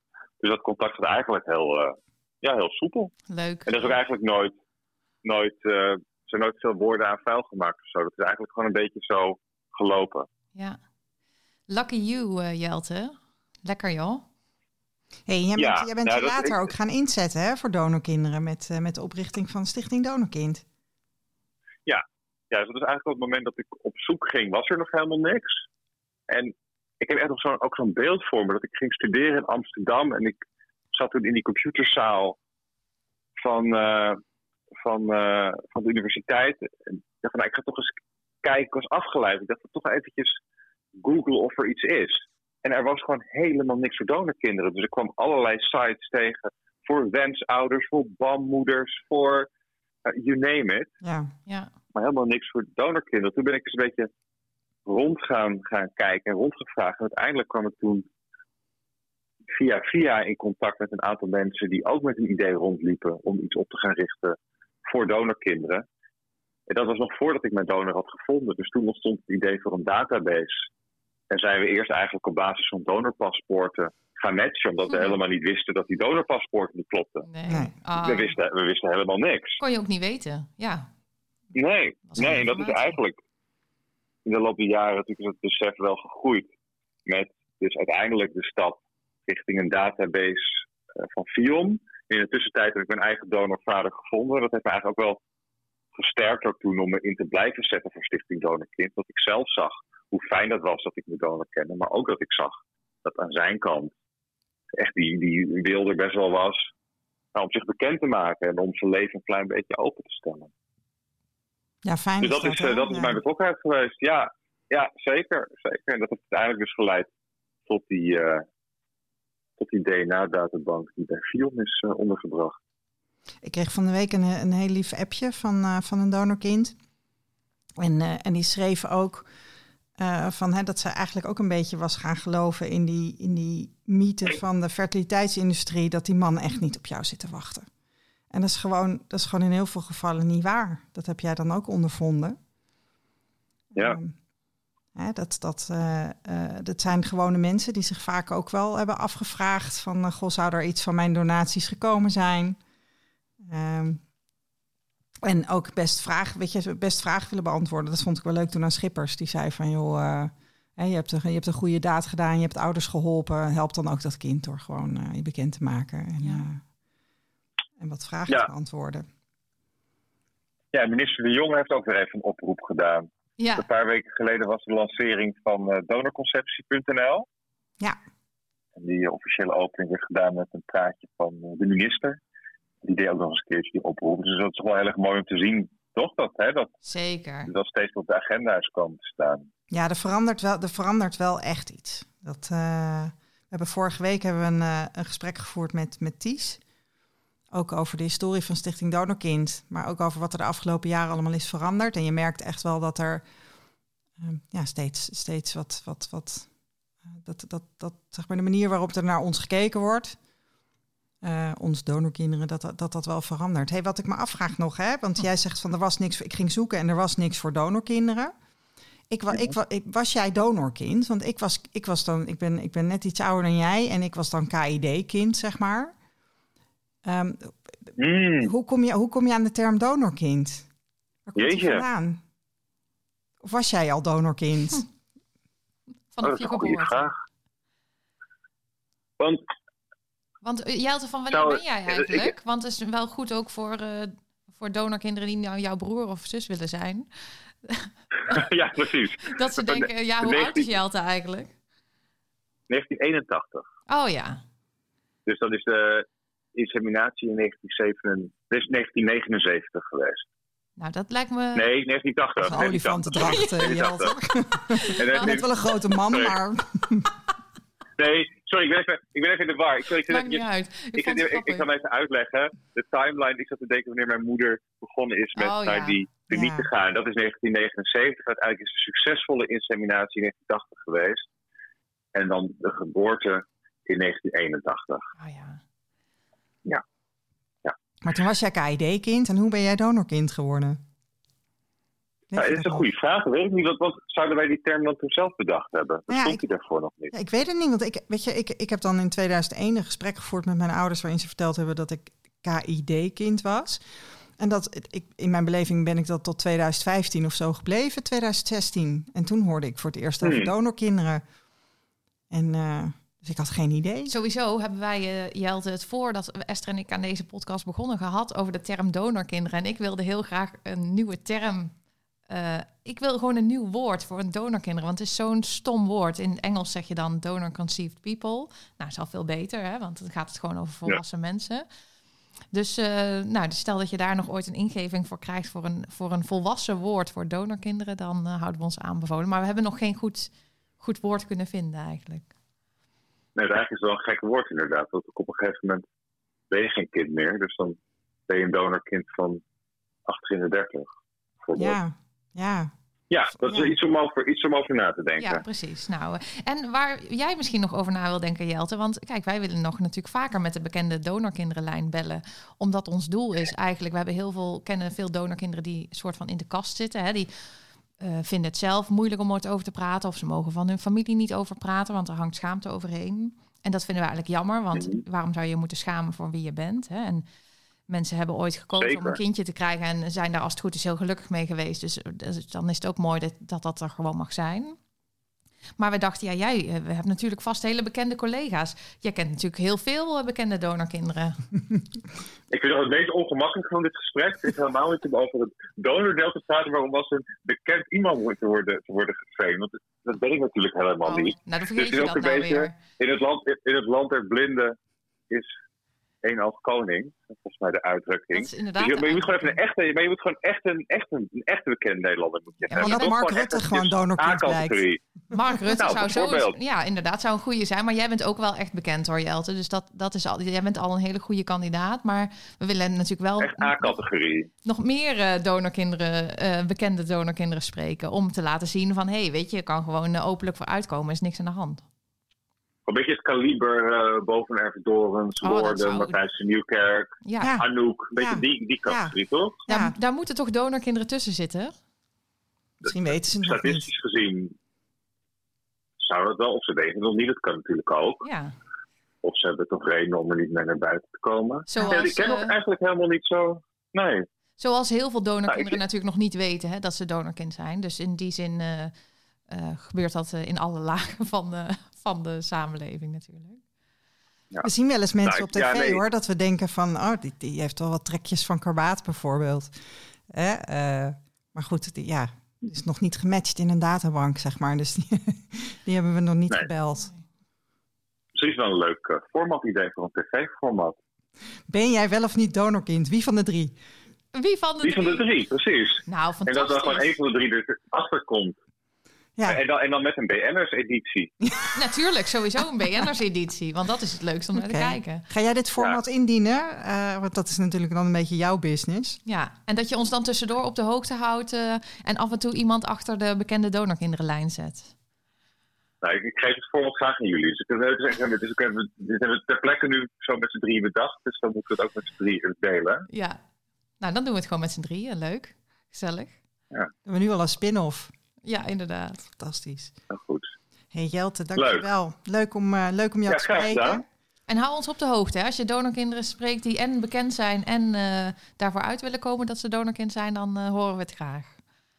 Ja, zal ik doen. Heel veel succes met de podcast. Dankjewel. Dankjewel Jelte. Doei. Alright. Doei doei. Ik heb al even zitten googelen. Ja. Maar ik heb hem al gevonden hoor. Jelte bij Spoorloos. Dus ik ga hem Oh, straks bij, bij de show notes zetten. Oh, Helemaal leuk. Nou, was leuk hè? Ja, Ja. Fijn, fijn om Jelte even te spreken. ja. Nee, en, dat, en ik, ja, ik en ben echt ook wel wel... bekend in televisieland. Oh, jongen, en oh, ik ben- doet zo ik ben- bescheiden. En ik ben dolgelukkig gewoon dat er werd opgenomen. Dat is toch Nou, gewoon dik vet shit, Wat jongen. een feestje. Echt. Zullen we de champagne opentrekken? Ja, laten we dat doen. Laten Ja, we dat doen. ja. Ehm, maar voordat we dat doen, we hadden nog wat vragen van eh, het luisteraars. Ja. je hebt helemaal gelijk. Ehm, even kijken. Iemand vroeg, ik snapte niet alles in aflevering 3 over ehm, het stambomen en zo. Ben ik dan een beetje dom? Nou, dan ben je natuurlijk helemaal niet dom, want dat is gewoon een beetje ingewikkeld. Maar we hopen eigenlijk door het er regelmatig over te hebben. En net Els heeft eh nou, wat over ehm, gedeeld, ook hoe zij dat heeft gedaan. Dat het wat eh, ehm, beeldender eh, wordt en dat iedereen denkt, oh, zo werkt dat. Maar het is gewoon eh, zonder beeld erbij te vertellen, ja, dan is het gewoon, eh, kunnen we ons voorstellen dat het een beetje een ingewikkeld verhaal is. Ja. Ja. Maar wel belangrijk voor donorkinderen. Nou ja, en het is, het is ook iets waar je eigenlijk gewoon maar aan moet beginnen. Hè? Want ehm, zeg maar, als je gaat zoeken, zoals, eh, zoals Els ook daar straks al vertelde, weet je, die, die is ook gewoon begonnen. Ehm, dat is vaak ook een manier om wel ook iets te leren. Dus als je, ja, je moet het gewoon gaan doen Ja. eigenlijk. En het, ik snap dat het ingewikkeld klinkt. Eh, maar er is niet voor niks natuurlijk ook de geheime groep van de donor detectives. eh, waar we je helpen op het moment dat je er niet uitkomt. Maar ja, weet je, het advies is eh, bestel zo'n test. Kijk de uitslag en, en ga ermee in de bak. Ja, en hoe meer mensen dat doen, hoe makkelijker het wordt. Zo is het ook Zeker, weer. Dus, zeker. Ehm, even kijken, wat hadden we nog meer? Oh ja, iemand mailde ons hè, van, ehm, over dat ze haar donorvader had leren kennen. En eh, ook halfbroers en halfzussen. En dat ze zoveel ook op die donorvader lijken. Veel van die, eh zij zelf en halfbroers en halfzussen. Dat ze vegetariër zijn en dat ze karakter en interesses delen. En dat ze zei van ja, het is toch al niet allemaal genetisch bepaald. Ja, vooral leuk om inderdaad dan dat, dat vegetarische, hè? Of is, is dat dan... ook al, hè? Ja, maar ik moest daar ook over nadenken. Ehm, want ik heb zelf een beetje het idee dat dat met, met politieke kleur bij mij het geval is. Dat ik uit een heel ander nest kom dan waar ik zelf zeg maar in geloof. Of, of, eh, eh, en dat, ik geloof toch wel dat, dat dat soort dingen ook in je karakter kunnen zitten. Ik weet niet hoe jij erover denkt, Even. Ik, ik heb er geen verstand van. Hè? We zijn geen Nee. genetici, laat dat duidelijk zijn. Zeker Maar niet. En ik denk ook dat er, dat er ook onder genetici nog heel veel vragen over zijn. Maar bijvoorbeeld Jelte, die koppelt het net ook al. Hij zegt, ja, mijn eh, donorvader werkte bij de bank en ik ging economie studeren. Ja. Hè, dus ehm, ik denk dat, ehm, ja, dat er toch veel wel genetisch bepaald wordt. Net als bij eh, in die documentaire over de kinderen van Karbaat. Blijkt ook dat heel veel doen iets Ja. medisch of iets in de gezondheidssector. Dat paardrijden inderdaad. Ja. Dus ja, blijkbaar zijn, kunnen interesses ook, eh, kan je daar ook in je DNA aanleg voor hebben. Ja, en misschien dat er voor dat vegetarisme heet dat zo. Dat, dat, eh, eh, dat daar ook iets, iets idealistisch onder zit. En dat dat ook ergens Ja. gewoon een, een krasje op je DNA is. Dat je, dat je graag toch een bijdrage wil leveren aan een betere wereld of Wel zo. een heel mooi krasje natuurlijk. Ja, natuurlijk. Ja. Ehm, Nou, en dat zij ook, wat zij, zij, zij zei ook iets Ja, over ehm, ehm, dat je, dat je, zij heeft zelf kleine kinderen, of een Mhm. klein kindje. mhm. En zei van, joh, maar ik realiseer me dat dit gewoon dus generaties doorwerkt. Wat we, hè, de manier waarop wij ontstaan zijn. Haar donorvader heeft dan 30 kinderen. ja. Of er zijn 30 zwangerschappen uit voortgekomen. En dan is de, de vraag ook van, ja, wat, wat betekent dat voor jouw kinderen? En komen die dan ook weer neefjes en nichtjes tegen? Moeten ze Precies. oppassen? Nou, dan moet je dus een beetje voor oppassen eigenlijk, is de boodschap. Ja, dat denk ik ook. Dat, dat heeft niemand zich gerealiseerd toen ze vrolijk allemaal kindertjes met donorsperma... Ja, ik, ik heb een boekje van eh Dr. Leo Levy. En ehm, eh, dat gaat over kunstmatige inseminatie bij de mens. Dat boekje dat is, eh, dat is oud, dat is uit de jaren zestig volgens mij. En ehm, daarin, daarin heeft hij het ook over het maximaal aantal kinderen, zeg maar, dat je per donor moet, moet, eh, maximaal kunt verwekken. En ehm, dat dat ook dan een beetje geografisch gespreid moet zijn. Ehm, dus er is wel over nagedacht. Door sommigen. Maar ja, weet je, als je inderdaad zoals eh, eh, bij Karbaat zulke enorme aantallen kinderen hebt gemaakt, zeg maar, met één donor. Dan, en ook allemaal in dezelfde regio, dan, Ja. wordt, dat, dan wordt dat wel link. En Ja. mijn dochter van, van 18, die zit al in MyHeritage hoor. En ik denk dat als zij een serieus vriendje heeft straks, dat ze... Die moet ook. ja, weet je, ja, dat hoort er dan een beetje bij. Maar ja, dan moet je het wel weten, hè? Ja, dan moet je het wel weten. Ja, ja maar of die komt er dan achter, kan ook nog. Ja, ach goshie. Ja, want dat is ook wat er natuurlijk steeds vaker gebeurt. Ik heb dat persoonlijk nog niet gehad. Ehm, maar dat er dus een kind van jouw broer of zus test. Dat kan ook gebeuren. Dat kan ook, die een ja. DNA-testje doen. En dan heb je dus Ja. een, een match met een kwartje. Ja, En dan moet zo'n kind gaan vragen van... hé, hey, eh, pap, mam, ik, heb een, eh, ik heb een match met iemand, weet je. En dan zo komen er dus ook mensen achter dat ze donorkind zijn. ja. Dat er een match is met hun kind. ja, dat gaat natuurlijk steeds meer gebeuren. Want ik denk, kan me voorstellen dat meer jonge mensen ook gaan testen. Ja. Dus eh, dat, dat, zal, dat zullen we nog wel vaker horen, ja. Gekkigheid. Wat ook een vraag was, iemand zei, zijn er dan meer donorkinderen die nadat ze zelf geboren zijn, nog een broertje of zusje hebben gekregen van beide ouders? Hè? Want dan zou de, Ja, de, de wettelijk vader zou dan eigenlijk onvruchtbaar zijn. En later bleek toch van niet. Nou, ik, ik kan zo wel drie mensen bedenken die, eh, die dat hebben. Ja, misschien is dat ook wel. Dat, dat, ik, ik ken geen mensen die dat hebben, maar ik moest wel denken bij die vraag van het is goed om die in de geheime groep van Stichting Donorkind te stellen. Want Oh ja, weet je, als je hem aan ons stelt, dan ja, jij, jij, jij, jij geeft nu antwoord. Zeg, Ja. Ik ken drie mensen. ja, Eh, maar als je erover in gesprek wil of, of, of ja, hè, ook, ook interactie wil met mensen, dan is die geheime groep van Stichting Donorkind heel fijn. sowieso voor alles wat je meemaakt. Hè? Want alle vragen zijn hier wel- welkom en we bespreken wat we kunnen. Maar ja, eh, soms is het natuurlijk alleen onze eigen visie die we dan Ja. kunnen delen. Maar ik, denk, ik heb daar wel een idee over, Esther. Dat wil ik nog wel even delen. Ja, even. Ik denk wel, mensen willen heel graag een kindje en daar zit een hele grote lading op. En als dat dan gelukt is, hè, via eh, KID, donorinseminatie, donorsperma-inseminatie, dan is misschien wel die druk eraf en ehm, lukt het toch nog spontaan. Dat denk Ja. ik wel eens. Ja, maar je hoort natuurlijk van die verhalen inderdaad, hè, dat, als, eh, dat, dat er een bepaalde ontspanning optreedt. Of, of, of omdat mensen stoppen, of omdat ze inderdaad misschien een kindje met KID hebben gekregen. En dat er dan Ja, de natuur toch denkt van, eh, nou hier, cadeautje. ja Het lijkt me wel, het lijkt me wel gek. Ja, en hoe is dat? Hè? Dat is ook wel interessant. Eh, is er dan verschil in het gezin? Voel je dan verschil tussen eh, het kind dat van beide ouders biologisch gezien is Ja, en ja, het kind dat dat niet is? ja, en voelt dat voor jezelf ook anders dan Ja, van, ja, weet je, dat, dat je, En dat jij half verwant bent, zeg maar, met Ja. je ouders en, en, en je broers dus helemaal. En, je? en eh, het kan soms anders voelen, maar niet erg. Maar kan, ja, misschien zijn er ook don donorkinderen die het niet fijn vinden, bijvoorbeeld. Dat is allemaal interessant, maar die, Ja. die, die, die interactie, als je, dat daarover, als je daar interactie over wil of over mensen in gesprek wil, dan, eh, dan is de groep een fijne plek, denk Ja, ik. en Want je als dus ik jou zo hoor, dan zitten Oh. er inderdaad alweer zoveel kanten aan. Ja, precies. Dan kan je je aanmelden via eh, de, de site van eh, Stichting Donorkind. Hè? Volgens mij is dat ja, je kan donorkind.nl. Je Ja. kan, je kan info.donorkind.nl mailen of je stuurt een berichtje via Facebook naar de pagina. Oh ja. Dan kun je gewoon via Messenger een berichtje sturen aan Donorkind. En dan kan je eh, in zonder dat mensen, andere Facebook-gebruikers zien dat jij erin zit. Hè? Dat is misschien voor Ja. mensen ook fijn om te weten. Ja, dat geldt zowel voor de, eh, voor de geheime groep van Stichting Donorkind, die gericht is op lotgenotencontact, als de groep van de Donor Detectives, die echt gaat over het hardcore zoeken met Ja. DNA, waar we gewoon vaders vinden. Eh, ze zijn allebei niet zichtbaar. Nee, nee dat, is, dat is voor sommige dat mensen Dat is een mooi haakje dit. Naar, de, naar het onderwerp van de volgende keer. Want oh, ja. we hebben natuurlijk de vorige keer gezegd van... oh, we gaan het de volgende keer hebben over familiegeheimen. Maar dat ging niet door. Nee, oh ja, inderdaad. Sorry, een planningsdingetje. Shit, hebben wij ook een belofte gebroken? Dat kan Ja. natuurlijk niet. Ja. Maar we, maar we doen het wel. We maken Alleen het volgende goed, keer. Ja, ja we hebben eh, volgende keer een gesprek met een, eh, met een donorkind dat, eh, ehm, ja, dat er niet over mag praten. Dat, ik zeg het maar even zo, ik weet niet precies hoe het zit, maar dat gaan we, dat gaan we allemaal horen. Die een familiegeheim is. Ja, en ehm, we zaten te denken van hoe, eh, wat is nou een prettige manier om dat gesprek te voeren? En ehm, ik zou het heel fijn vinden als, eh, want zij, zij, zij, zij is niet de enige. Mhm. Ehm, we hebben ook al een mailtje van iemand die zei van... joh, mijn ouders die hadden dit geheim liever mee hun graf ingenomen... zijn niet blij dat het is uitgekomen. We zouden heel graag, eh, als jullie dat aandurven... geluidsfragmenten willen gebruiken. En dat betekent dus dat je eh, niet een, een berichtje stuurt... maar dat we een, eh, via WhatsApp een spraakberichtje van je ontvangen... en dat we dat dan gebruiken in de podcast om het gesprek te voeren. Mocht je dat willen, mocht jij nou eh, dus niet in het openbaarheid praten over het feit dat je donorkind bent en je zou daar iets over willen zeggen over wat dat voor jou betekent of waarom je dat doet, zou je ons dan een mailtje willen sturen?